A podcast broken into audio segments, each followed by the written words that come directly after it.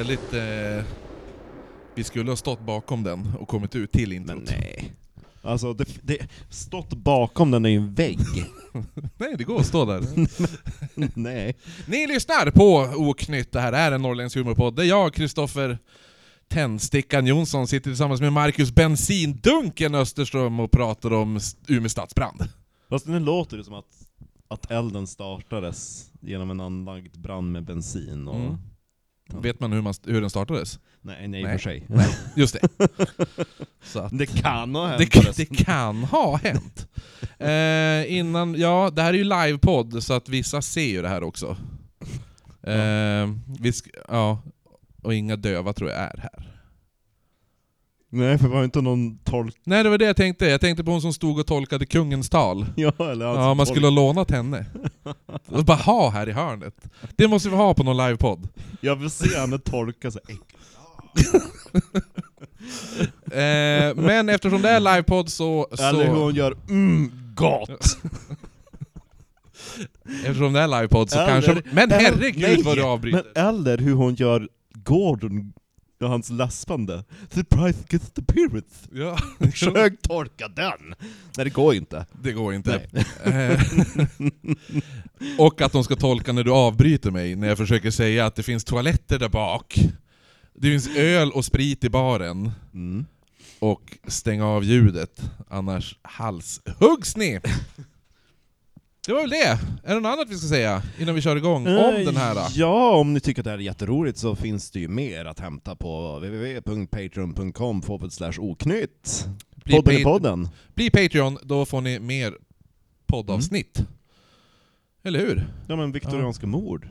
Den, Jo, emin- jo, den jo. eminenta Eh, viktorianska serien. den är bra. Ja, vi hade ju tänkt, jag hade tänkt leta upp något, något viktorianskt mord som skedde den här dagen. Alltså, vad är det? Jaha. Alltså 25 Juni. juni Mm. 1888, men det var fan inget som hände den Mm. dagen, förutom den här jävla branden. Folk... Och, och två andra bränder i Sverige.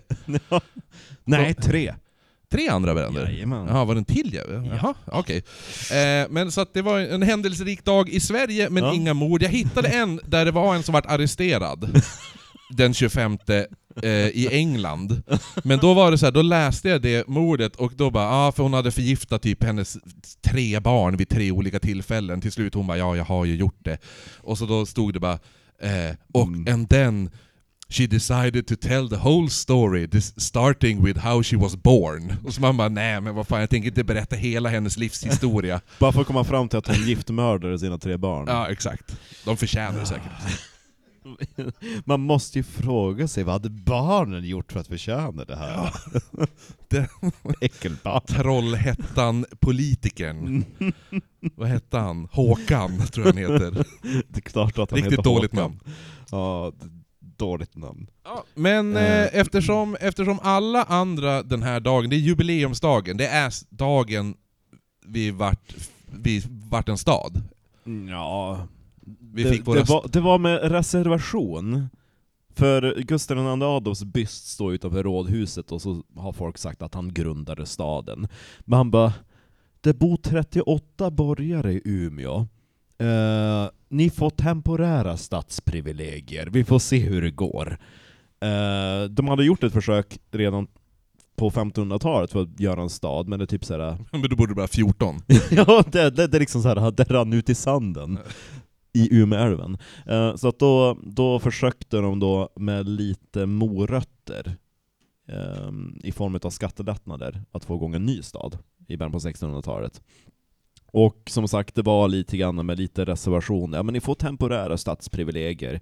Umeå fick inte sina slutgiltiga stadsprivilegier förrän 1646 utav drottning Kristina. Och fram tills ja, men typ hyfsat modern tid så ansåg man att det var hon som hade grundat staden.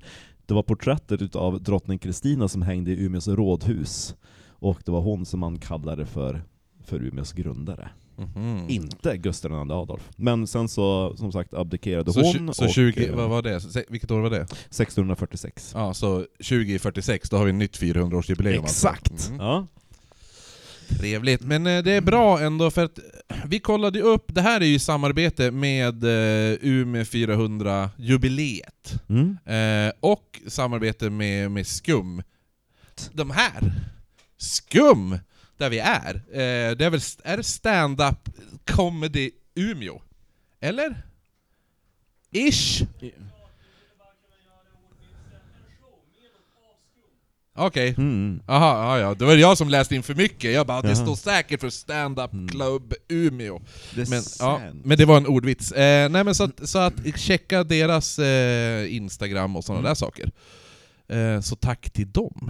Ja. Eh, och det är väldigt det är bra att vi gör den här stadsbranden, för allt annat, hela det här jubileumsdagen, Mm. är ju väldigt umerunkigt.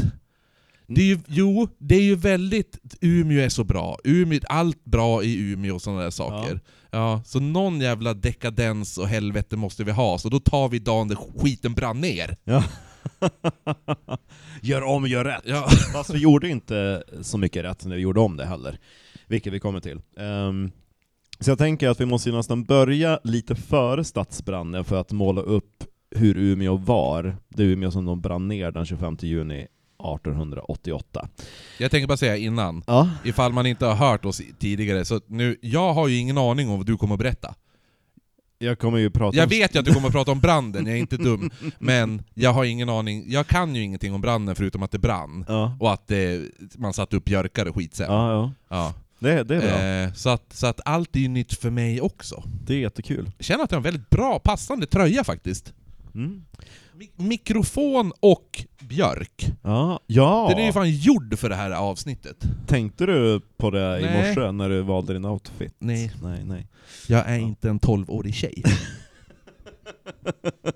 ja, nej men eh, eh, let's crack on. Umeå eh, under 1800-talet var på väg att bli en, en lite större stad. Sundsvall, som eh, numera hävdar sig vara Norrlands huvudstad, eh, skulle man kunna säga på den tiden var Norrlands huvudstad. De hade 9000 invånare drygt, vi hade cirka tre. Ja, Ja. exakt. Och innan, det hade brunnit ett par gånger innan i Umeå också, men det var inte utav olyckshändelse, utan det var därför det var krig. Ryssarna kom ju och totalröjde i Umeå, så att ingenting utav 1600-talsstaden finns ju kvar idag, med undantag från sockenkyrkan på backen, och det vet man inte riktigt om man ska räkna det till staden. För staden på 1600-talet, det var ju innanför tullarna, för det fanns tullar i Umeå, hör och häpna. Och den västra tullen, den låg ungefär där, eh, ja men typ gamla E4 går, över Tegsbron. Mm, mm, mm. Typ där. Ja, okej. Och den östra tullen, den låg ungefär vid eh, eh, rondellen vid kyrkbron, vid eh, kyrkan. Det är ju jä- det är ju typ vä- världens kortaste avstånd. Det är världens Det är ju minsta stad. jättejobbigt ifall du ska bara, om du jobbar, bor där och Ja. jobbar där, Ja. Mm. ja, det är en kilometer, du måste betala tull fram och tillbaka Exakt. hela tiden. Så och eh, den norra tullen, den låg ju... Eh, Skolgatan på den tiden hette ju Bastugatan. Så att just, det, det var den nordligaste gatan, efter det var det typ bara lader och Mm. skit. Så att, På Bastugatan var det Ja. massa bastus. Ja, Nej men i alla fall, och det som var så kul, att eh, när man grundade Umeå, för anledningen till att man var borgare, då behövde man ju betala skatt på det man sålde. Och folk var inte så jättehype på det. Men 1622 så var Umeå fortfarande inte länsresidensstad. Så det var inte så mycket till övermyndighet här. Så att det, det var typ så här en checklista, ni ska ha tullar, okej, vi bygger ett tullstaket som en gärdsgård. Mm, och så Jörgen på andra sidan skitsur efter Nej, det. nej, nej, nej. Han bara, det här är perfekt, för på kvällen då bara tar jag bort några störar, kör in mina varor, och ingen kommer märka det. Mhm. Mm. Sen så börjar ju eh, riket och eh, konungen investera då i de norrländska städerna, och man började lägga upp lite mer tydligare regler, att saker som skeppades ifrån eh, ja, men Umeå, Piteå och Luleå, de skulle inte få gå ut i Europa eller över till Finland och sådana saker, utan de skulle ner till Stockholm. Och så där tog man dem och eh, sålde vidare. Ehm, så när Umeå blev länsresidensstad eh, vid mitten av 1600-talet, då kom ju då en landshövding som bara det, det där tullstaketet, det, det kan vi inte ha. Och så tänkte man att alla Umeåbor, jo men henne, henne har gått bra, det, henne har inte varit något problem med... Det är ju bara flyttas Nej, ja. pinnar, Jo. Gå- gått igenom. Och så då byggde de faktiskt ett riktigt, alltså ett, ett, en, typ ett plank. Ja men det var någon som Ja. jobbade vid tull... Alltså, Jo, det fanns tullman, tullstuga, ja. jajamän. Ja. Eh, så att, Han jobbar bara såhär, Ja. Börja åtta, sluta tolv. Jo, exakt. Ja. men så att så litet var Umeå då, eh, mellan eh, eh, gamla E4 och eh, ÖK. kyrkan. Ja, typ. Ja, exakt. Och eh, den här 1600-talsstaden blev ju bränd tre gånger till marken utav ryssarna under stora nordiska kriget. Mm. Snart fjärde då, Ja. nu när det Ja, 1714, Ja. 1718 och 1720 så brände man. 2023. Ja, och ryssen kommer igen. Ja, de kommer ju snart. Ja, Ja, ja. jag är övertygad. Ja, Sant. Ja, ehm, så när man då hade byggt upp Umeå igen och det var fredstider, då kanske man också började... Man bara, det vore ju synd nu, när vi har gjort fint, om Umeå brinner igen. Så att då börjar man införa någon form av brandvakt. Och brandvakten då introduceras 1731, Mm. eh, tio år efter freden i Nystad efter Stora Nordiska kriget. Och då skulle då en, en snubbe gå runt mellan klockan 10 på kvällen till klockan 4 på morgonen i stan, och varje timme då deklarerar vid Rådhustorget Klockan är 11 och allt är väl. Jättejobbigt om man bor där och Ja. man kör den varje, var det, till fyra på morgonen. Ja, Ja. Skitkul! ja jo. Bäst av allt också att det, hans brandvaktens röst blev lite grann som bingo. Ja, köp Bingolotter, fyra olika serier! Ja, tänk att det är han som Mm. brandvakt. Bingo-Micke heter han Ja, va? ja. Mickes förfader Ja. var brandvakt i Umeå. Ja. ja. Klockan är tolv slagen och allt är väl. Stöv- Månadsfinal på lördag! Ja, eh, nu var det inte riktigt så, utan folk, alltså det brann ju inte så mycket, jag menar det var en gles stad. Ja. Eh, det var mellan det var så med gamla folk- E4 och Ja men ÖK. folk bara, alltså herregud, nu har jag gått ja. Det, Brandvakten började ju eh, till slut gå på stadens ölstugor. Mm. Our kind of guy. Ja. Ja. Brandvakten heter Jonsson, jo. eller Österström. Ehm, och det som är så komiskt då, då anställer man en stadsvakt som ska vakta brandvakten. Så att han inte blir för full eller? Ja, Jaha. så att han ska sköta sina uppgifter. Det är det vi ska ha. Jo. Så det, är- när vi var ute på, på båten och vart alldeles för full, så att det avsnittet måste vi spela in en gång till sen. Ja, Då ska- skulle vi ha haft en sån här uh, oknyttsvakt, som bara ser till så att nej, nej men hörni, nu får ni faktiskt spela in avsnittet och inte Ja. dricka. Ja, exakt. Ja. Annars får ni böter. Ja, exakt. Ja. ja.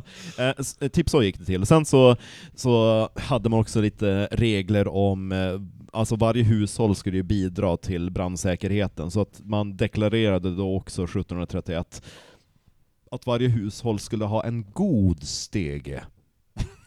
Det är, det är viktigt. Mm, gott!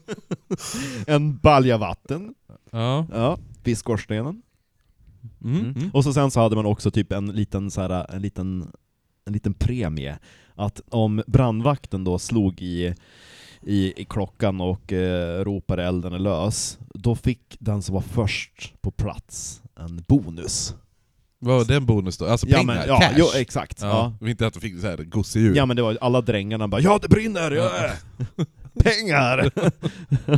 det, kanske, det kanske inte var så klokt i efterhand att, att man uppmuntrar folk till de bara 'Titta det brinner, jag var först på plats!' Ja, jo, jo, jo. Folk sprang omkring och tände eldar Ja, överallt. Släkt. Ja. Och släckte Jag släckte, kolla vad jag har gjort. Ge mig, ge mig pengar! Ja, exakt. Ja.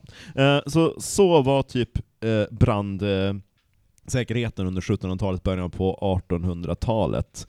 Eh, den här stadsvakten då, som gick runt och vaktade Vak- Han som vaktar brandvakten? Ja, exakt. De kom till under eh, början av 1800-talet. Jag tror att det var typ eh, 1803 eller något sånt där, 1840 1840 kan det också ha varit. De har, de har justerat Det de är inte så villkoren. noga Marcus. Nej, det var 1800 1800-talet kan man bara säga. Första hälften av 1800-talet brukar historiker säga. Ja, jag har lärt mig. Nåväl. Mm? Nu ska vi börja komma Nu ska vi börja elda. nu ska vi börja, nu ska vi göra, börja elda.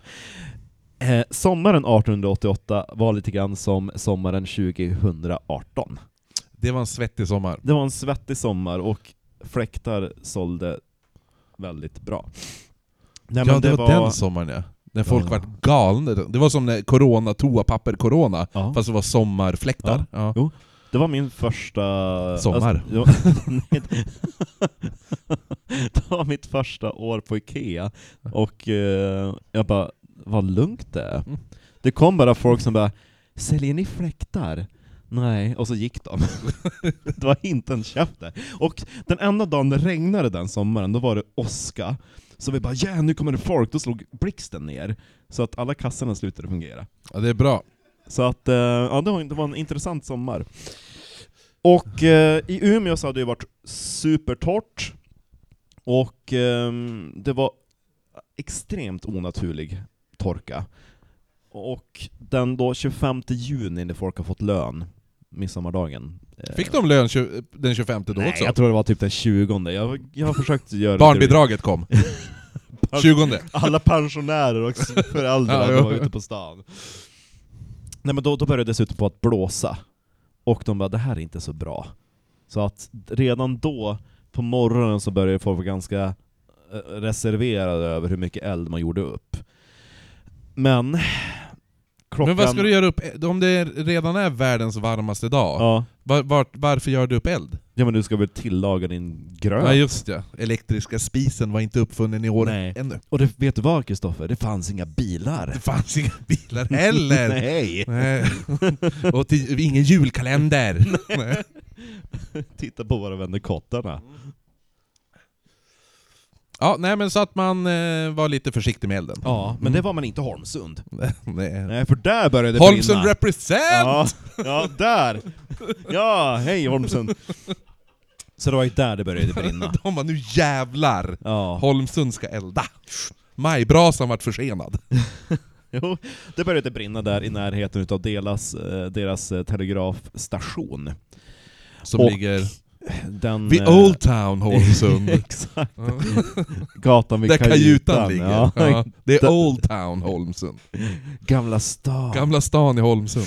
Mm. Så står det när man går till kajutan och läser på menyn. Känner Ja. ni historiens vindslag? Restaurangen som man satt upp bord med, med nålar. Ja. Det är lite grann, den påminner väldigt mycket om, minns ni Café Blå Valvet i Skilda Världar? Mm. en person. Ja! Mm. Det är min Ja. favoritserie! Ja. ja. Helt Så- tyst, en person. Ha, Ja. ha. Bästa! Gå och streama nu! Ja. ja men, eh, good news, de har flyttat Blå Valvet till kajutan i Holmsund. Um, ja, ja. Ja, men det börjar brinna där 9.30, eh, klockan 10 så har det spridit sig och eh, det brinner rejält. Och ehm, då börjar också nyheterna nå Umeå. Man har vid den här tiden då en frivillig brandkår och två brandsprutor, man skickar en till Holmsund. Mm. Ni, ni, ni, Ja, men ja, ja, en- in en. case shit happens in Umeå. Jo, kanske. exakt. Ja. Och sen så går det ju då båttrafik mellan Umeå och Holmsund. Så ångbåten Dunker ska ju då Mm. gå från Den kajen. gamla skutan. Ja, Mm. Dunker är vi inte rädd. Dunkersdag i eh, Hörnefors. Det de ing- jag vet inte ens vad du pratar om. historia. Nej. Läs Fänrik Ståls sägner, tänker Christopher. jag inte göra. Hej! ja, nej men det, går, det borde ändå gå skytteltrafikbåtar på sommaren. Holmsund-Umeå, det hade fan varit nice. Det hade varit jä- väldigt, Ja. väldigt nice. Vi får, vi får, vad heter det? Gudman borde ju fixa det. Han har ju båt i. Holmsund, det är bara skytteltrafik hela tiden. Ångbåt. Ja. Bygga om båtjäveln till en ångbåt. Jag tror han skulle tjäna pengar. Eh, nej men då, så att alla som eh, har möjlighet då kliver ombord på den här ångbåten, för Mm. att du, nu åker vi till eh, Tormsund och hjälper dem. Eh, grejen är att de inte hinner avgå förrän de inser att det brinner på bryggeriet i Umeå. Mhm. Mm. Men då är det också brandbi, brandsprutorna, det är häst och vagn brandsprutor nu. Jajamän, exakt. Ja. Ja, och en tunna vatten på en vagn. Och var- den, ja. eh, den ska ju då eldas upp så att... ja, alltså, man ska ju elda så man får ett ångtryck. Aha, Man startar den inte med en Elda upp vagnen. Mm, det känns bra. Fight fire with fire. Ja, jo. Ehm, så att det har ju utbrutit då en, en, en eld på vinden till bryggeriet, och bryggeriet låg typ där tullkammaren är idag, i hamnen. Vart är den då? För jag vet inte vart Det är tullkammaren den stora idag. tegelbyggnaden avlånga nedanför Scandic. Hamnmagasinet? Tullkammaren. Ja, mm. Mm. Re resten av, alla här inne, hade du sagt hamnmagasinet, alla bara ja, Ja, vet vad det är. Direkt du bara, ni vet tullkammaren, Ja. eh, det som alla känner till. ja. Ja. Se, säger mannen som inte visste vem Bruce Lee var. Ja, men nu pratar vi inte om Bruce Lee, vi pratar om Umeå. Ja, jo, jo. Eh, och på den här tiden, då fanns det en gata som heter Sjögatan, som gick då precis nedanför, som är typ nuvarande, vad blir det för någonting, Hamngatan? Typ. Mhm. Inte exakt rätt sträckning, men ungefär. Och på då den norra sidan så hade man ju då eh, bryggeriet, och på södra sidan om eh, den här eh, Sjögatan så hade man då olika bodar, magasiner och sådana saker, mycket utav trä, det var det. Lite lustigt däremot så var tullkammaren, eller jag menar bryggeriet där elden startade, den var en eh, byggnad med ett stentak. Så att eh, de eh, tyckte det var väldigt märkligt att det var inte någon gnista som hade kunnat fara och tända eld. Man hade först en teori om att elden kan, kan ha startat ifrån eh, ångbåten Dunker, att det ska flugit gnister ifrån skorstenen och tänt eld på bryggeriet, men så Det det inte. kändes långsökt. Jo, i alla fall. Och... Så den är anlagd. nej, Nej. nej. Men i alla fall, ombord på Dunker så har vi då en skomakare, Per Johan Lundström, Mm. som agerar. Han kastar sig av båten och springer upp till rådhuset och slår larm därifrån. Han, Han ville ha de där cashen. Den där du vet, man sprang, jag var först på plats. Ja, han, jo. ja, eh, så det är det som är lite kul, för han springer då dit till rådhuset, slår i klockan, det brinner! Sen springer han tillbaka till elden för att han ska vara först dit. ja, tänker jag. ja, ja. Eh, han, han, han springer till rådhuset som... Det gamla rådhuset som brann ner låg inte på samma plats som det nuvarande rådhuset, utan det låg där apberget låg, på andra sidan torget. Okej, ja. Och, Som eh, inte heller finns kvar. som inte heller Nej. finns kvar. Så, så att han sprang upp dit, slog i klockan och ifrån eh, klocktornet så ser han ju att elden sprider sig, så att han bara nu har jag inte tid att stå och ringa klockorna, jag måste tillbaka ner. Mm. Ehm, så han, han rusar ner dit, och brandkåren med den kvarvarande brandsprutan var förvånansvärt snabbt dit på plats. Jag tror att det var typ en, en kvart ungefär. Mm. Med häst och vagn så är det ganska imponerande. Men grejen är den att vattenförsörjningen till den där brandsprutan ska ju komma från älven, så de står parkerad på Sjögatan med hus och byggnader på vardera sida om sig. Och vinden sveper och ändrar riktning ett par gånger, så att det börjar ju brinna på varsin sida om brandsprutan, så den blir ganska snart satt ur spel. Aha. Ja, så Och då att bara, det, ring Holmsund. ja, ja, de har en till. Ja, vi, vi kan offra Holmsund. ja. Hej! Hej. Så att det, det startar en brandvåg som går norrut upp mot Storgatan och en som går österut längs eh, Sjögatan. Och eh, det blåser ju då orkanliknande vindar, skrivs det. Mhm. Och eh, Det känns lite överdrivet. Jag tvivlar att det var orkan. du... Du, ja, jag, okej, jag ja. har levt tillräckligt länge i den här staden för att uh, säga att jag har aldrig varit med om en orkan här. ja, eller hur? Ja. Har du? Mm, Nej, du har ju bott i Husum så att... Ja, där var Där det jävlar, där var det orkaner i Husum. Ja. Men i alla fall, eh, jag tänker vi kan ju ta och eh, vända oss till ett vittne som var där den dagen. Välkommen in! Eller hur? Ja, Nej, det är genom dagboksanteckningar, en Birgit. Bi- Välkommen in Birgit! Thulin! Thulin, gamla skökan. Ja. Nej men det finns en, en bok som heter Den tändande gnistan, berättelsen om den största brandkatastrofen i Sveriges historia, som främst pratar om Sundsvall, och sen så har de typ nämnt Umeå för förbifarten. Sista kapitlet. ja, just det, Umeå brann. Det här hände också. Ja, Mm. eller hur. Ehm, så att jag läser citat ifrån boken. Citat! Birgit Thulin hette en kvinna som bodde i ett torp utanför Sorsele, och maken Gustav och deras sju barn. Ehm, hennes skildring av branden finns i en dagbok som sparats hos eftervärlden. Hon berättade tidigare i dagboken om den hårda vintern som gjorde att de knappt trodde att de skulle överleva. På torget... Men hon bodde i Sorsele? Ja, hon, vad, jaha? vad gjorde hon? Var hon på semester i Umeå? ja, de, ja du ska få höra. Okej. På torget i...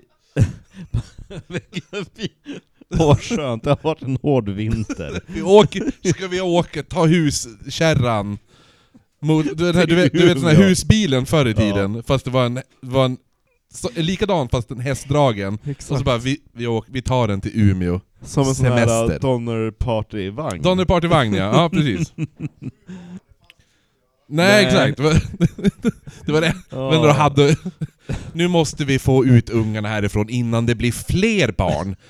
Det enda man gör i Sorsele, det är att dricka sprit och knulla. Det var, det, det var bara det. Knulla gömma sig. Ja, exakt. I Sorsele. Nu Knulla kör vi semester i Umeå. Ja. Nej. Anländer... Besvikelsen när de anländer från Sorsele och hela jävla staden brinner också. Hon bara, det här ska jag berätta för nyheterna. Ja, vad sa hon då? Skadeglädjen när Sorsele får höra att Ja. Umeå brunnit ner. När jag kommer tillbaka och berättar den här jävla skitstaden. Allting. Det var väldigt varmt först och främst. Alla butiker var stängda. Barnens lekplats var uppbrunnen. Nej, dit åker jag inte igen. Dessutom finns det inte så mycket kvar att se för hela staden är borta nu. Tacka vet jag Sorsele. Där har man åtminstone tak över huvudet. Jag vet. Du vet, våran brandvakt, han är då fan inte ute och super om kvällarna. Han sätter på mig. Ja, exakt. Det är min man, Gustav. Ja, men vad sa tanten? Jag utgår från att hon är tant eftersom hon heter Birgit. Man, heter man Birgit är man född till tant. Ja.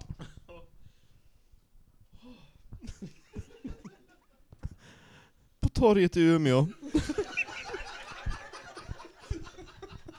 Försökte de under sommaren få in några kronor till mat genom att sälja träskedar. Och vad- Birgit! I love you! Åh, åh vad hungrig vi är. Ja jag vet barn, tälj lite skedar så ni tänker på någonting annat. Sen åker vi till Umeå. De behöver skedar. De har inga skedar De har bara kniv och gaffel där. Ja, ja, ja de sålde skedar. De, s- de, ja precis, de var där för att sälja träskedar och träskålar som maken Gustav hade snidit. Mm. Den 25 juni 1888 var det åter på torget med ett extra stort lager. Extra stor sked trodde jag skulle säga. Den här kallar vi för slev. Birgits Emporium. Ska man köpa slevar, skedar och Skål. skålar? Som min make Gustav har gjort. Ja, Ja, men var är han? Jag vet inte. super med brandvakten. Ja. Så här berättar Birgit. Du ska nästan läsa det här i Birgits röst. Det där du ser, den, det citatet. Jaha, så här berättar Birgit... Okej. Exakt. Ja. Kära dagbok. Jo, du, Okej. du fick så bra röst till Kära Birgit. dagbok. Idag har jag varit... Vad står det? Idag har jag mycket att berätta. I morse tidigt åkte vi alla in till Umeå. Gustav har slöjdat massor av träskedar och träskålar. Vi trodde att vi skulle kunna sälja något på torget. Klockan var åtta när vi var framme. Barnen var kinkiga, så jag gav dem lite väl... Jag trodde det skulle stå stryk, men det... det står välling faktiskt. Eh, välling och en bulle. Eh, sen satte, satte Gustav på mig, tror jag. Sen, sen satte Gustav och jag upp några kubbar och lånade en planka. Va? På kubbar... Och så den här diskussionen, men Har du inte packat ner plankan, Gustav? Ända från Sorsele. Ja men vi kanske kan låna en i alla fall. Ja. Men nu tror de inte att vi har plankor i Sorsele. Det blev ett riktigt bra bord. Barnen slumrade efter maten och jag tänkte detta kommer att bli en bra dag. Solen sken från en klarblå himmel. Det kändes nästan skönt att det blåste lite. Vackert! Och po poetisk den här Birgit. Mm. Jag gillar att hon har tid att skriva dagbok medan Gustav snider massa skedar. Springer omkring och lånar plankor. Ja, jag ska bli författare vet du. Exakt. Barnen sover nu. Ja, hon är så glad och nöjd nu i sin himmel. Hon bara Titta, de pratar om mig på 400-årsjubileet. ja, då- Ska, ska ha en staty över Birgit istället för en jävla... Vad heter? Vem var det vi hade? Vem är det statyn? Gubben? Vilken gubbe? Men här ute. Alltså bara stå och titta. ja, ja. Ja, han, alltså han var utanför McDonalds. ja. Ja, Nej, inte han! Jag tänkte utanför rådhuset. ja Gustav II Adolf. Ja, istället för han. Kung, Kungen. Ja. Skulle du haft Birgit? Ja, Tullin. ja Birgit Ja, Thulin. Mm. Från Sorsele. Med en träslev. Eh, det fortsätter i alla fall. Mm. Senare fick jag nu, nu blir det... Nu tar du över. Ja, jo. Ja. Inte lika bra Birgit, Okej. men ja. Senare fick jag höra att vinden friskade ganska kraftigt. Men där, stod var, eh, men där vi stod var det lä. Plötsligt började folk skrika och springa ner mot hamnen. En del klättrade upp på taken, barnen försvann. De som låg och sov här alldeles nyss, titta bort en sekund. Barnen försvann efter folkhopen. Jag ropade efter Gustav. Jag måste hämta barnen! jo. De är försvunna! Ja. Gustav, det enda du har åstadkommit idag, det har fixat en planka. Du ska veta, jag har bakat bullar och lagat välling till mina barn och sen har de sovit gott. Vad har du gjort? Nej just det, kubbe och planka. Du kan ju ingenting. Ja. När jag kom ner till hamnen såg jag att hela Holmsund stod i lågor. Va? Hur man... Hur då? Ja, jo hon hade den. den... Jag hade kikaren med mig förstår du. Och då såg jag ända till Holmsund. Jag såg att det var Gamla stan i Holmsund där kajutan ligger. Folk började ro ut för att hjälpa de stackars människorna. Jag var så rädd att barnen skulle få för sig att hoppa i någon båt. Ja. Har hon ingen pli på ungarna? Nej. Nej. I timmar sprang jag runt barn. och sökte barnen. Några gånger var jag till Gustav. Han hade inget att göra. Va? Vad gör han? Han, han har sju fucking barn som är försvunna! Och han, nej, han, nej men du, han hade inget att göra. Och det brinner! Ja det brinner, det är eldsvåda överallt. Hans barn är försvunna, men nej han har ju inget att göra. Ska du inte hjälpa till? Nej jag har så... Jag, Jag har gjort mitt och jag hittat planka. Jag hittade plankan, det var min uppgift. Sen eh, sa du att jag skulle få sitta här. Det, däremot så är det inte så bra med kunder. Det, dåligt försäljning med skedar här. Eh, han har inget att göra. Nej, nej, nej. Folk var inte intresserade av att köpa något till detta kaos. nej jag sa ju det. Lika hastigt som Holmsund började brinna, lika hastigt började branden i Umeå stad. Panik utbröt. Själv jag var jag vid det här laget galen av oro. Mm. Var fanns barnen? Ja, eller hur? Ja. Torget med alla stånden och med våra varor brann som fnöske, det gick inte att hejda eldens framfart. Framåt eftermiddagen hade nästan hela staden brunnit ned. Nere vid stranden hade det bildats en uppsamlingsplats. Vid femtiden återförenades jag med mina, sotiga, svarta, skrämda. Stod Gustav och barnen där. Ja, han hittar dem! Han hittade dem. Du, han gjorde det rätta. Vet du vad han hade gjort? Han Ifall ni, ifall ni tappar bort oss Ja. barn, Ja. så, sitter står här jag alltid här. Vid plankan. Vid den här vi, jag sitter här vid Mm. plankan, som Mm. jag har lånat. Mm. Eh, så att det var ju så. Det var bra, bra. Jag gillar Ja, Gustav. ja. Ja. Ännu vid femtiden då vi lämnade staden brann det. Eh, en liten, en liten follow-up på Birgit. Den 25 augusti, två månader efter branden, så skriver hon så här. Jag har fortfarande inte hittat barnen. De är försvunna igen. kära dagbok. Hörde när jag var inne i Sorsele att det hade samlats in en massa kläder och pengar till de brandskadade. Vi får inget.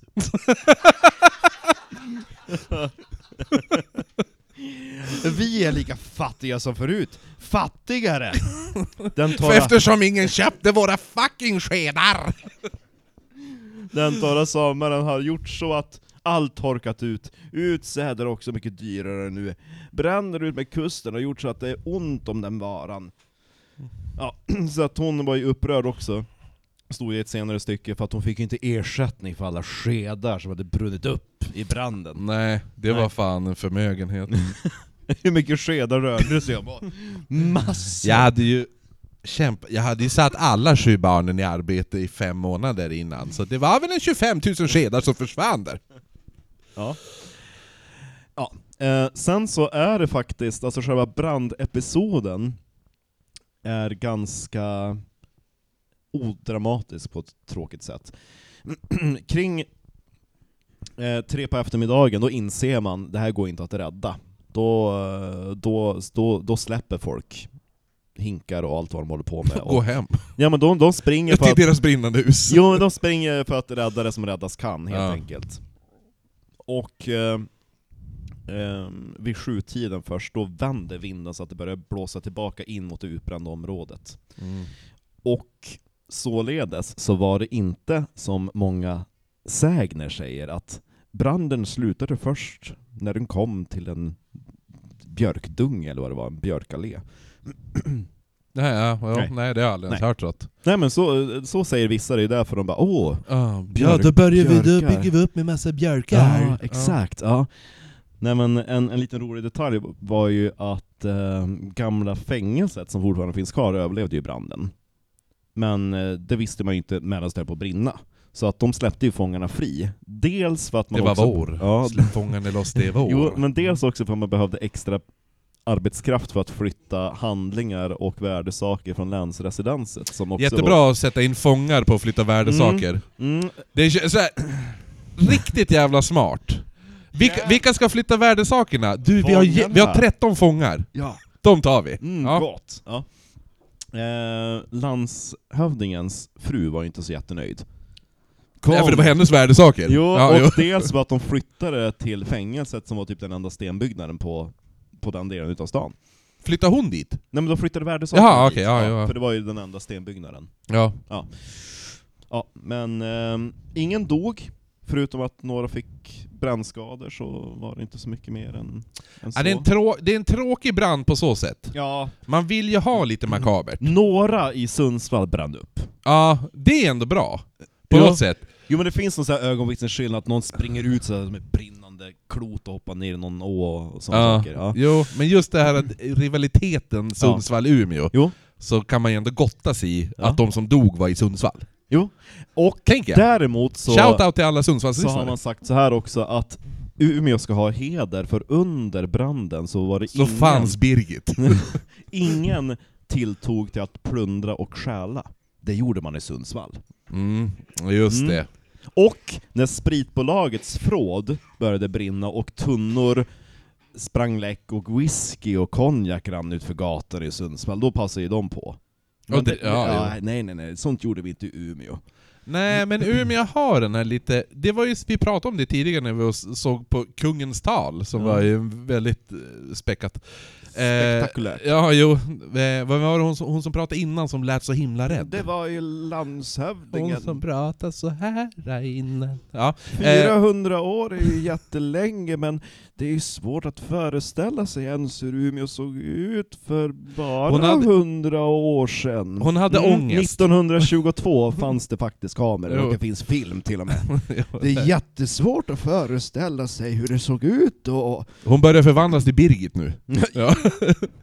eh, nej men i alla fall, nej men för då, när vi var där, Ja? så var det ju den här, alla stod, det var ju så, det var ju så jävla glest i Mm. publiken, eftersom alla är så här: nej nej men jag ska inte ta plats, eh, bäst att jag står lite här och, Mm. och sådär. Mm. Så att den Umeå-attityden är ju väldigt, eh, det är väldigt Svensson.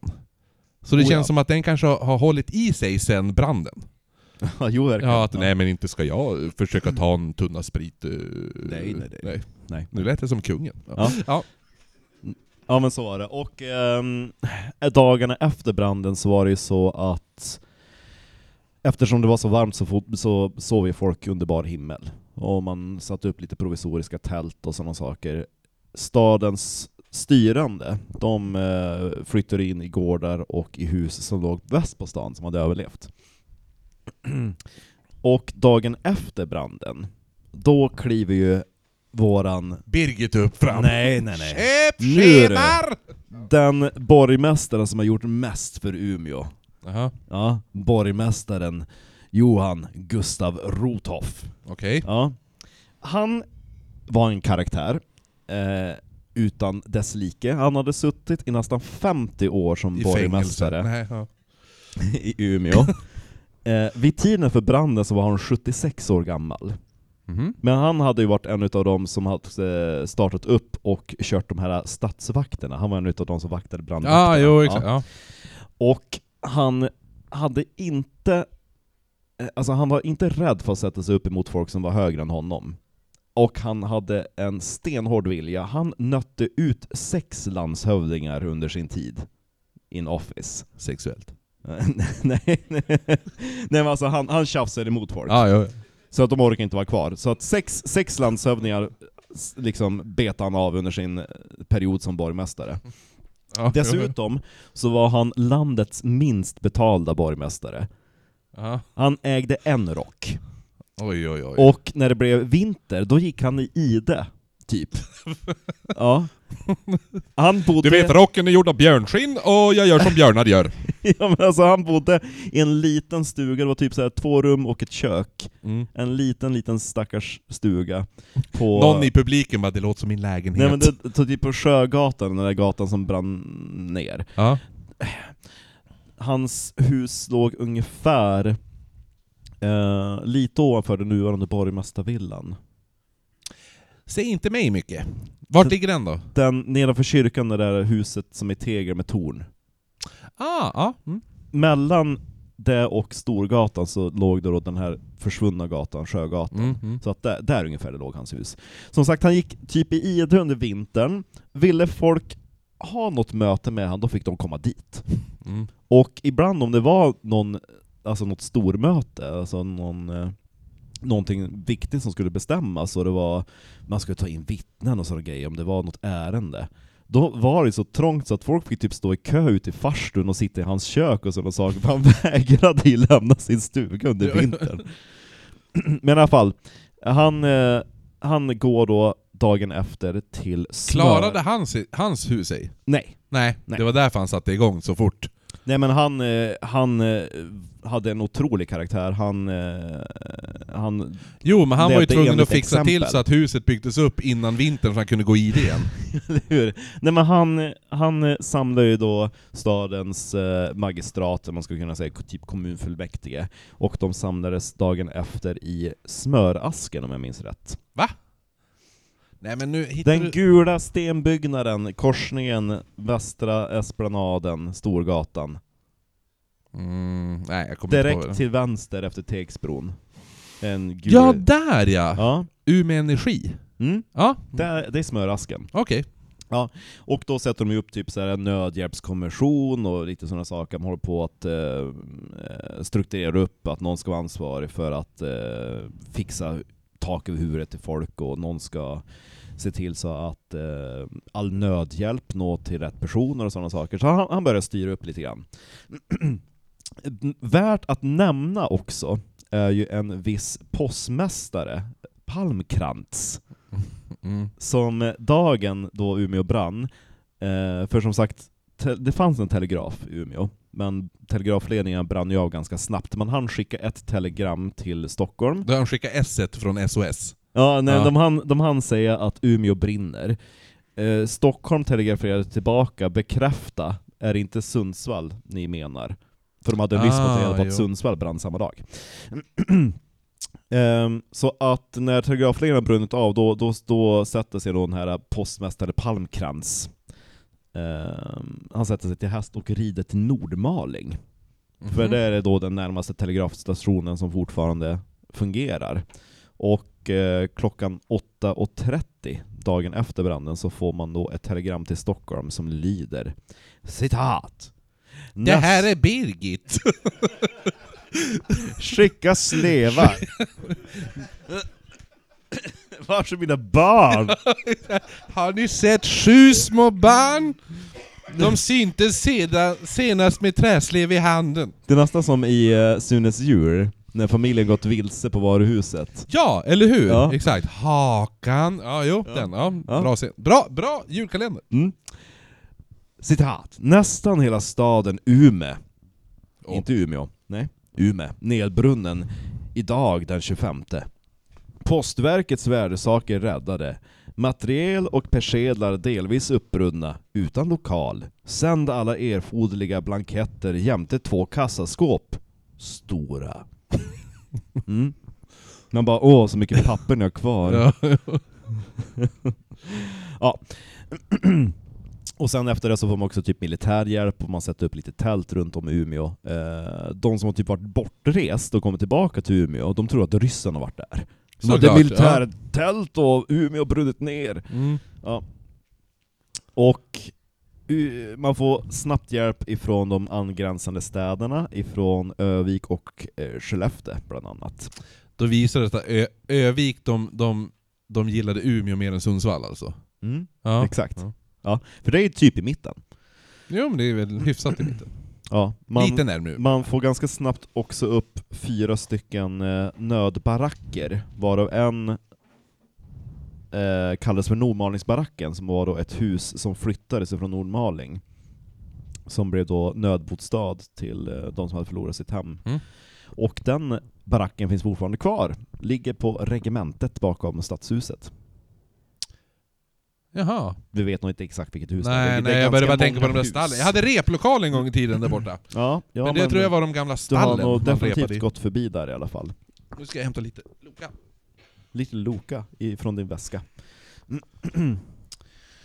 Och lustigt nog så var Sveriges konung Oscar den andre i trakterna. Han höll på att typ göra lite Norrlandsturné, så han var typ på ångbåt i, Ja. i Norrland. Så när han får höra talas om Han den här- körde den här Ume, Ume Holmsund-båten. Nej, inte riktigt. Men i alla fall. När han får höra talas om att eh, både Sundsvall och Umeå har brunnit så åker han då först till Sundsvall. Eh, jag tror att han dyker upp dagen efter till och med. Eh, den 26 i Sundsvall.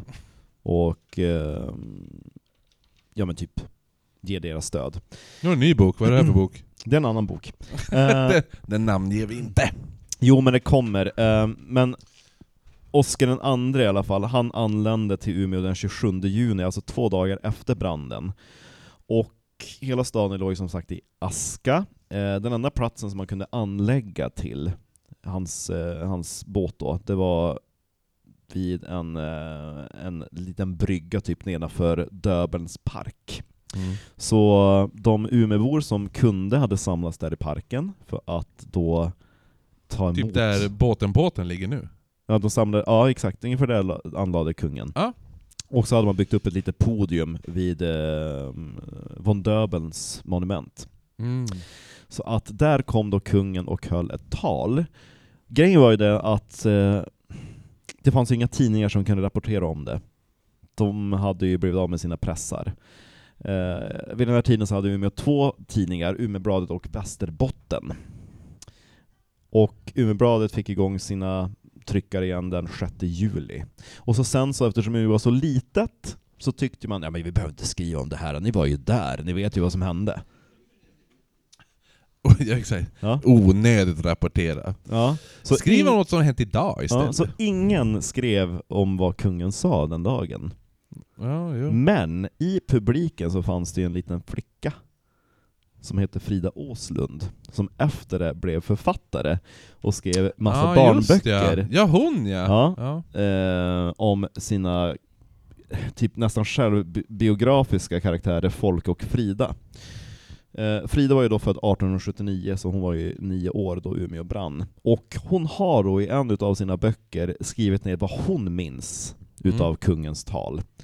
Eh, Det så det, kommer- här, det, det här är det enda som man då som, som man vet finns dokumenterat om vad Oscar den andre sa till Umeå den dagen, den 26 juni. Innan talet så sprang en kvinna förbi och skrek Har ni sett mina barn?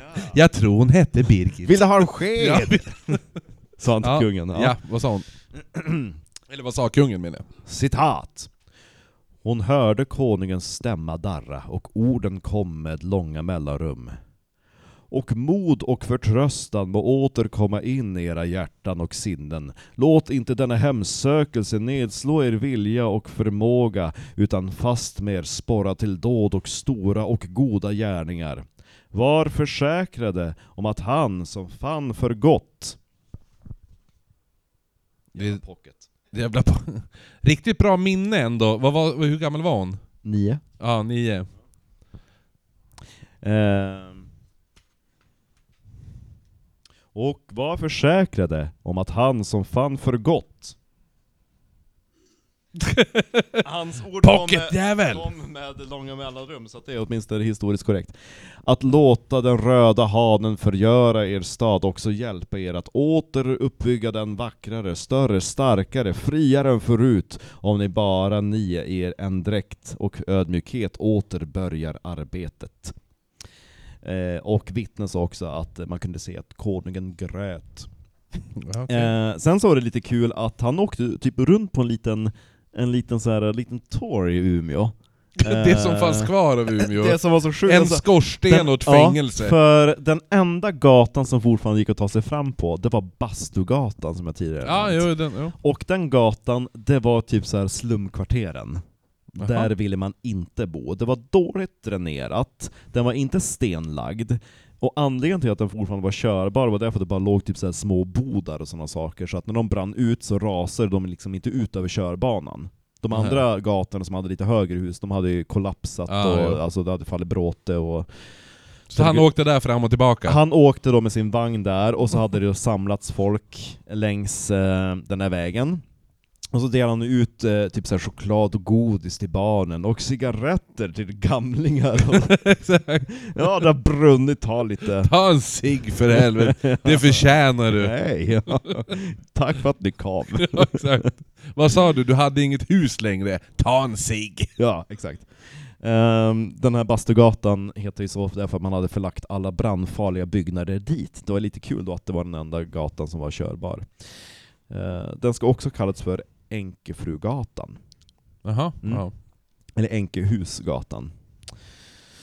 Och efter han hade gjort sin lilla, sin lilla turné där fram och tillbaka, så gick då kungen och gav 2000 kronor ur sin egen ficka till landshövdingen så att mer hjälp kommer. Och det blev väldigt mycket hjälp. Vad är det då? 2000? Måste vara ganska mycket. Det är ganska mycket Ja. pengar. Eh, för man startade då en nationalinsamling, och under de följande sex månaderna så fick man in 268 572 kronor och två öre. Mm. Och det motsvarade fem års statsutgifter, statsutgifter för Umeå. Ja, men det är ju... Det är mycket pengar. Hur mycket fick Sundsvall in? Exakt. Nej, man hade till exempel kon en konsert på Berns, vars ändamål var att dra in pengar till, eh, till Umeå och Sundsvall. Och dessutom så fick man in 13 000 kronor från USA. Ja. Så det var ju lite kul att, Mm. att nyheterna sp- spred sig ända dit. Jag kan ju tänka mig att det var mycket så här äh, Amerikasvenskar som, som, Jo. som kände för, för Sverige. Och de här pengarna då ska ju förvaltas och investeras och sådana saker. Och haken för att man skulle få pengar var ju att man också ska ha tappat någonting i branden. Slevar Mm. och träskedar. Ja. eh, Umeås fattighus brann ju ner.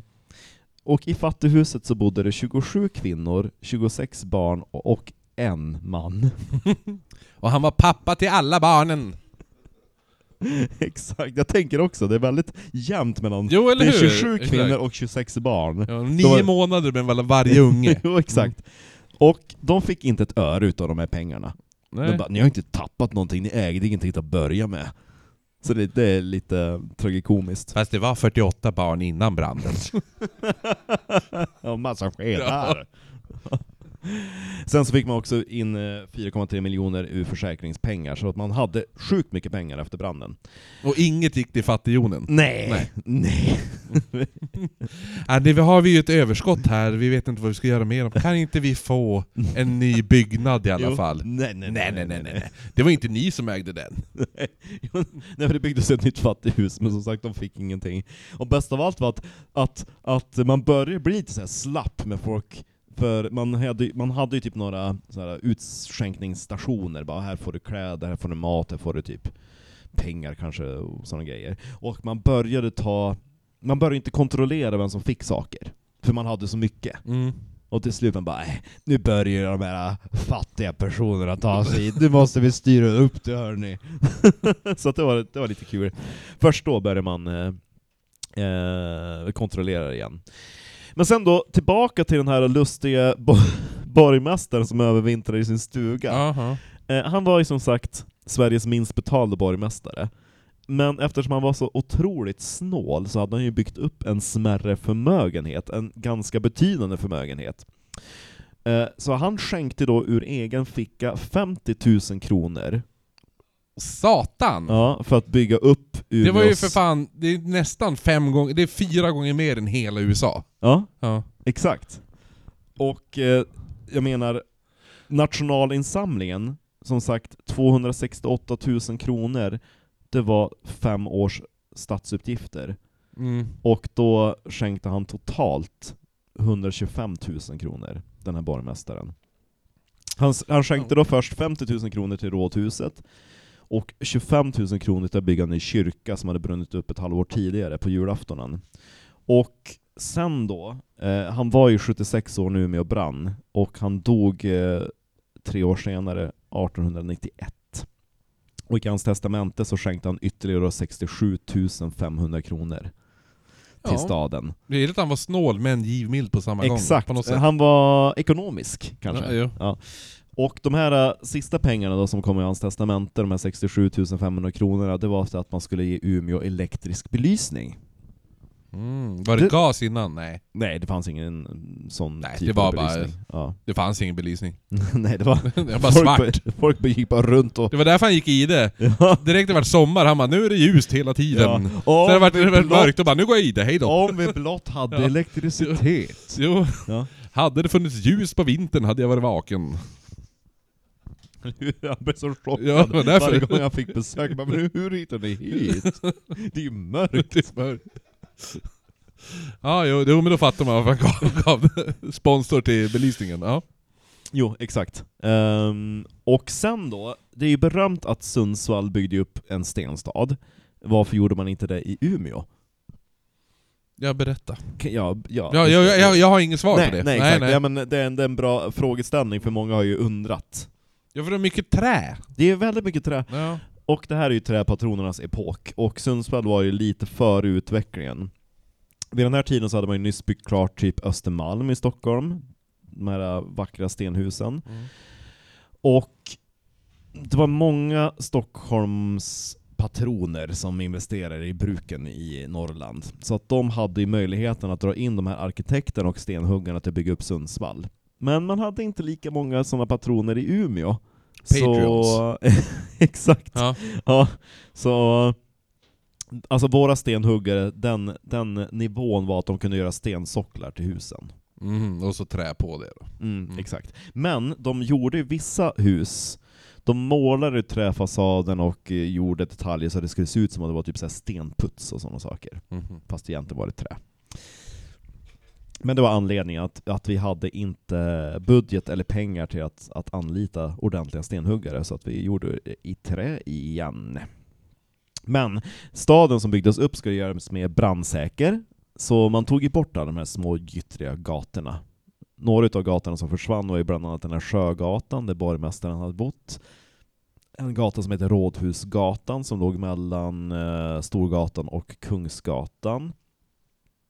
Och så några små gränder och bland annat eh, Remarksbäcken kulverterades också. Ja just ja. Mm. ja. Men är det den som går där vi... ehm, vad heter det? Vid torget? Ja, Remarkstorget. Ja, så där, Renmarkstorget under... ja, Ja, där det, under flyter det ju en bäck eh, som heter Remarksbäcken. Och den var sju meter djup och nio meter bred, så att den fungerar som en naturlig barriär, så att allting väst på stan överlevde ju branden för, tack vare Remarksbäcken. Men efter branden, då man skulle bygga upp Umeå, tyckte man att eh, vi kulverterar det där. mm. Ja, så att man byggde igen den. Men... Eh, Och man, nu ligger den där, är det där, är det där den där fula jävla fontänen står nu? ja, Ja. Den där gräsliga Ja. fontänen. Gröna kopparfontänen. Ja, den är ex... det hade ju varit bättre att riva den fontänen och ta Ja. fram En bäcken bäck. som går där Ja. under. Man hade ju planer på när man, byggde, när man skulle bygga Scandic Plaza att, eh, att öppna upp eh, bäcken så den skulle rinna igenom foajén. Det hade Det varit var nice. ballt. Ja. Eh, men när man gick ner då till kulverten för att kolla skicket på Remarksbäcken så upptäckte man att det var typ en kloak. Så att Mm. de planerna skrotades. Nej, det blir inget bra med bergsvatten som rinner här. ja, exakt. Eh, Men Umeå som, som byggdes upp då, då var det ganska stränga regler på att det skulle vara 30 fot mellan eh, vissa utav husen i kvarteren. Mhm. Och det motsvarar då typ 9 meter. Om man skulle 10 bygga... tio ja. fot är ju tre meter så att... Ja, Ja. och skulle man bygga tätare, då ska man ha en typ en brandvägg mellan byggnaderna som skulle vara så pass tjock då så att elden inte skulle kunna sprida sig till nästa angränsande byggnad. Så staden som byggdes upp var ganska luftig, men sen så behöver man också bygga igen eh, de delarna. Eh, en liten lustig detalj i den här återbyggnaden utav Umeå, en utav de förlorade byggnaderna ifrån stadsbranden 1888, det var den första teatern som heter Talias tempel. Mäktigt. Mm. Namnen då? Ja. Det var en lada.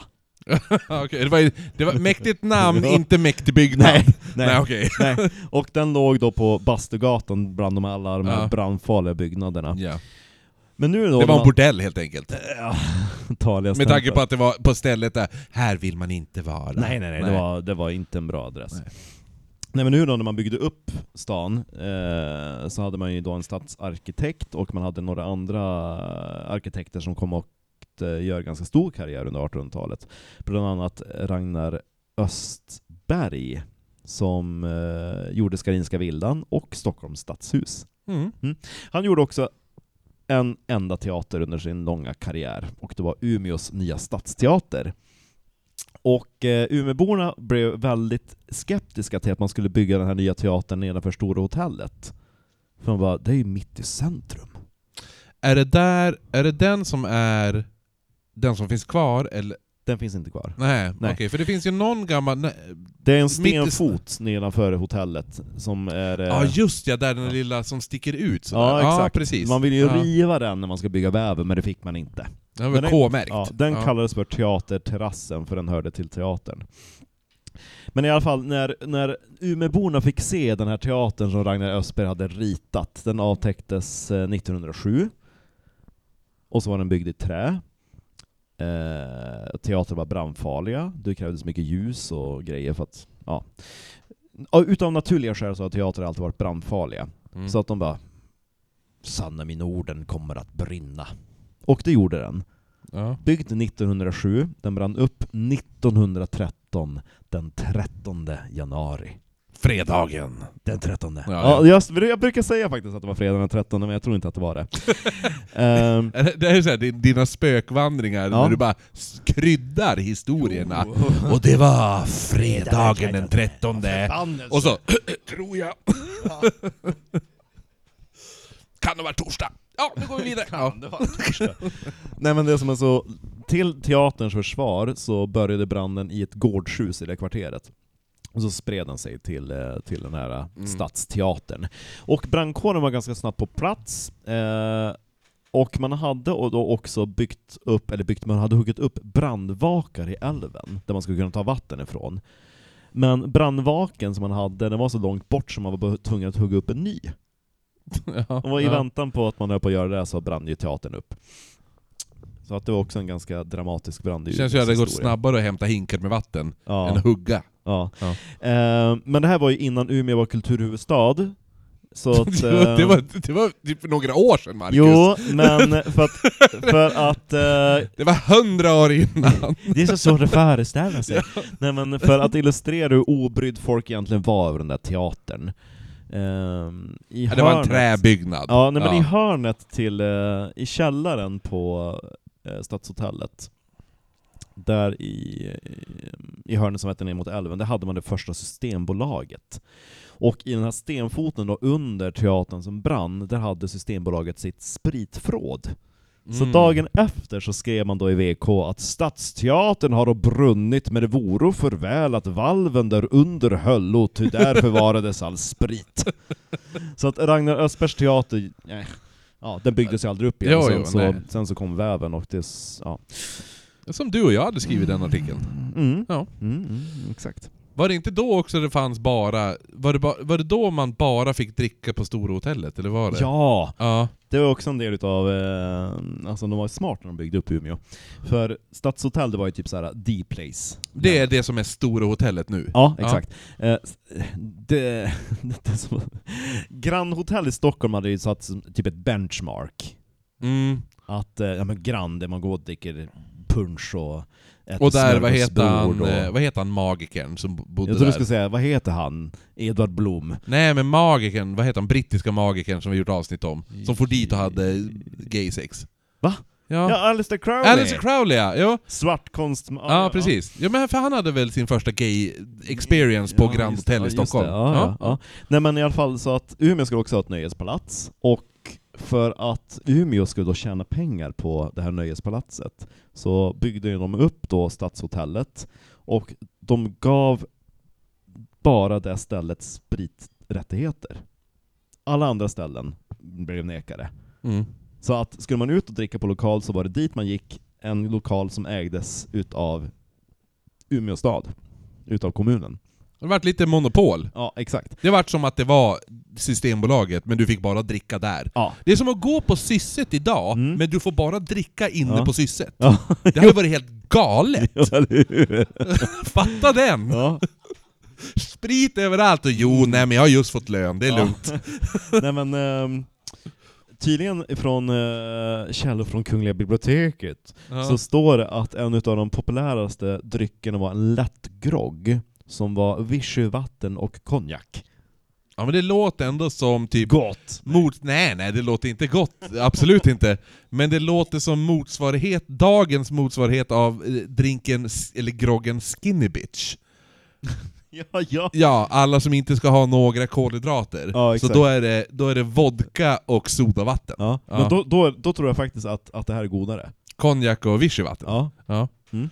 Vad, är, vad är skillnaden på vichyvatten och sodavatten? Ingen. Nej, Nej, nej, nej. det är inte. Eh, Det är franskt ord tänker jag. Exakt. Vichy betyder soda. Så är det. Så, Så, då bestämde vi det. exakt.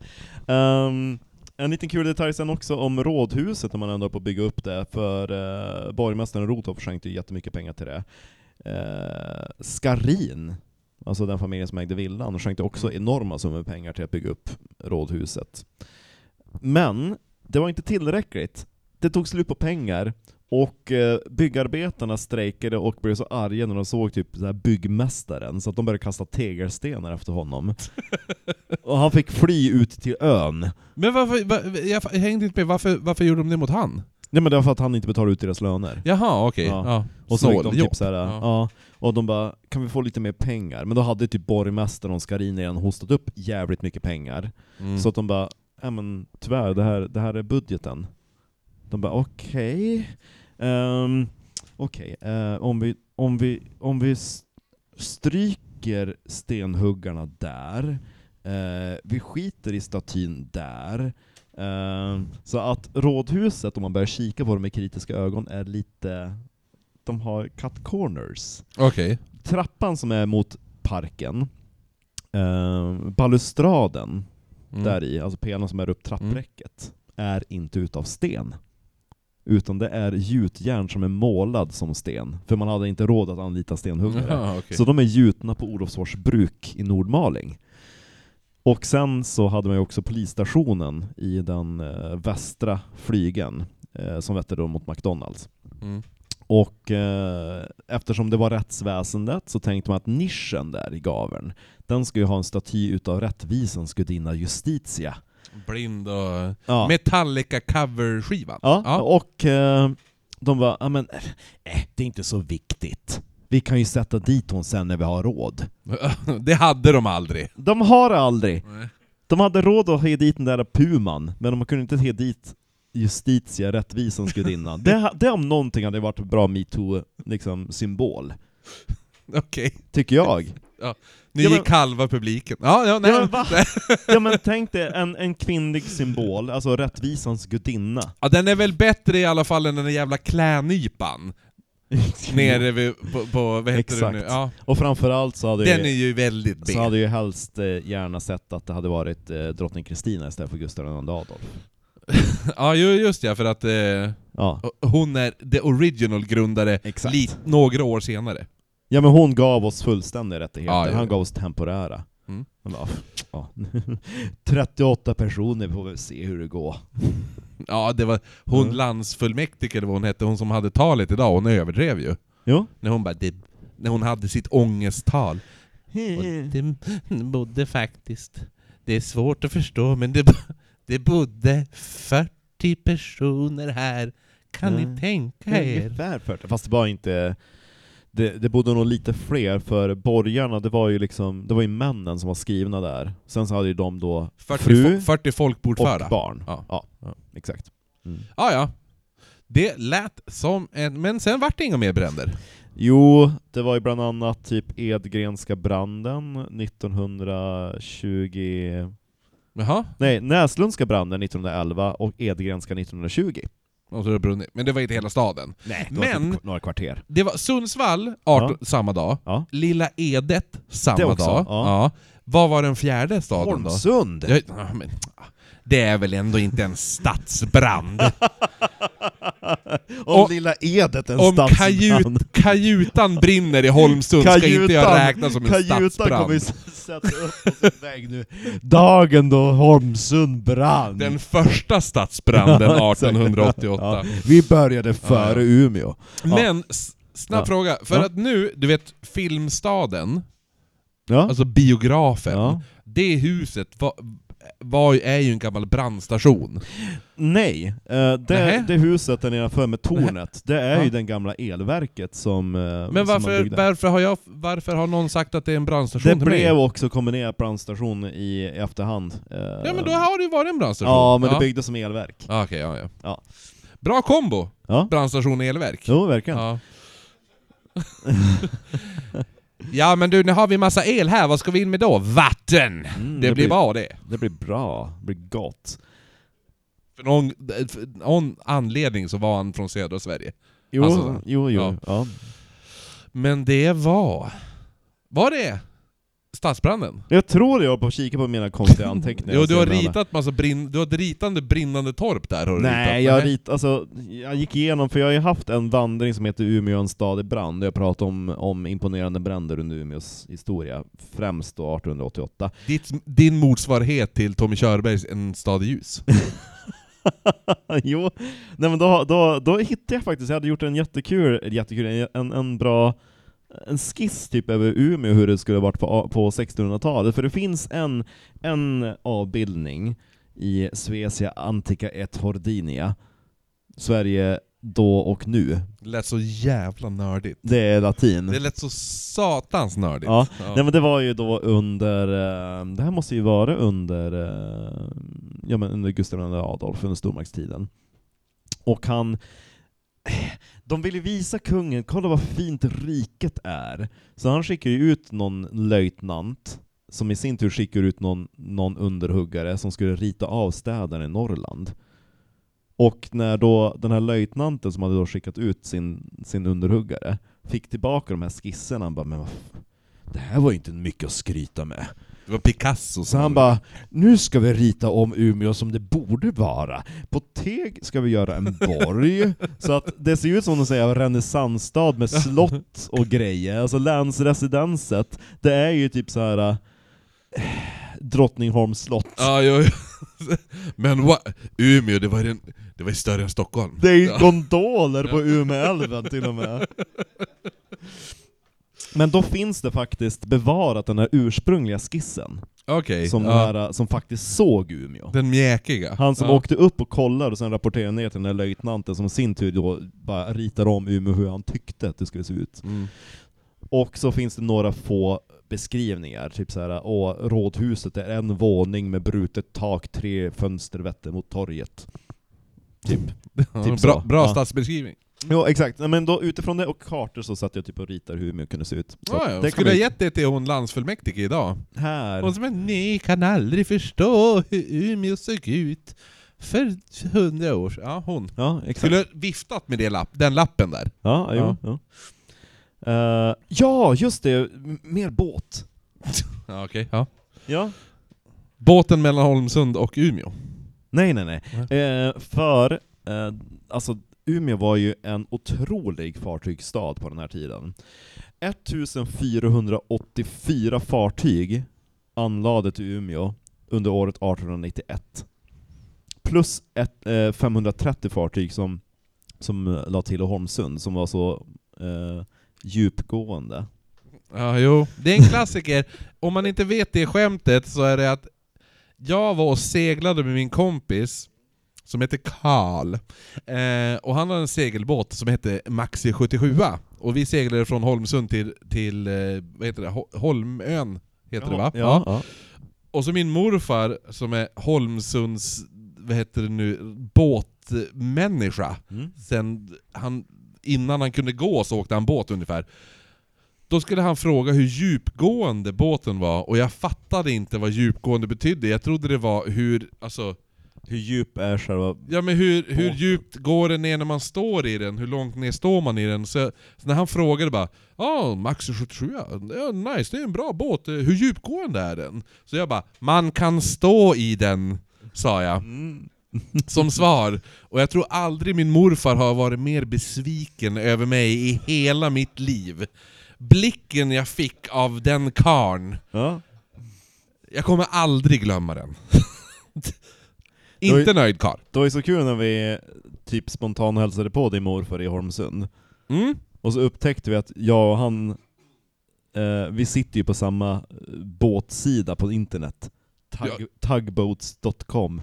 Ja, och det roliga är här, jag fick det tipset när jag var nu nere i Stockholm för en dag sedan. Ja. Erik han bara du, det finns en riktigt bra sida om man gillar båtar. Heter tugboats.com. Så jag bara, men för helvete. Jag umgås ju med, bara med båtnördar. Det är det värsta jag varit med Det om. här är ju en båtpodd Ja. som handlar om båtar. Och nu har vi kommit in till båtpods-biten utav den här Ja. podden. Ehm, så under den här branden också så vände ju vinden flera gånger som sagt. Jag tar kort. Jag tänkte instagramma Jag, det här. jag blir jätteskeptisk, det, bara, nu, det här blir roligt. Det här blir roligt, nu ska jag filma skiten.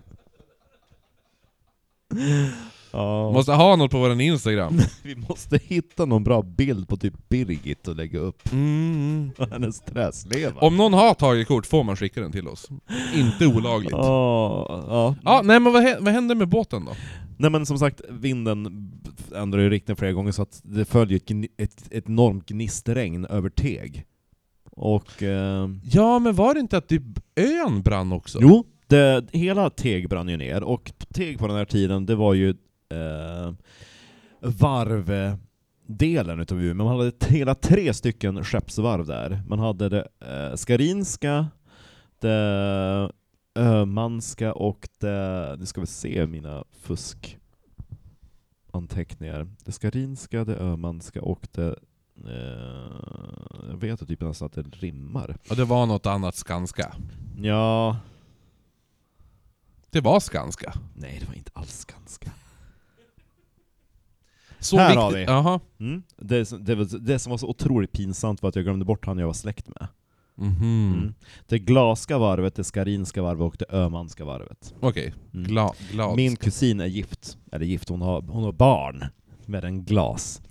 Okej, så du är inte släkt, du är ingift släkt? Jag är säkert gift, eller gift, jag är säkert, Ja, jag är Säkert gift. med han också! nej, jag är säkert släkt också. Vi är, vi är släkt har vi upptäckt.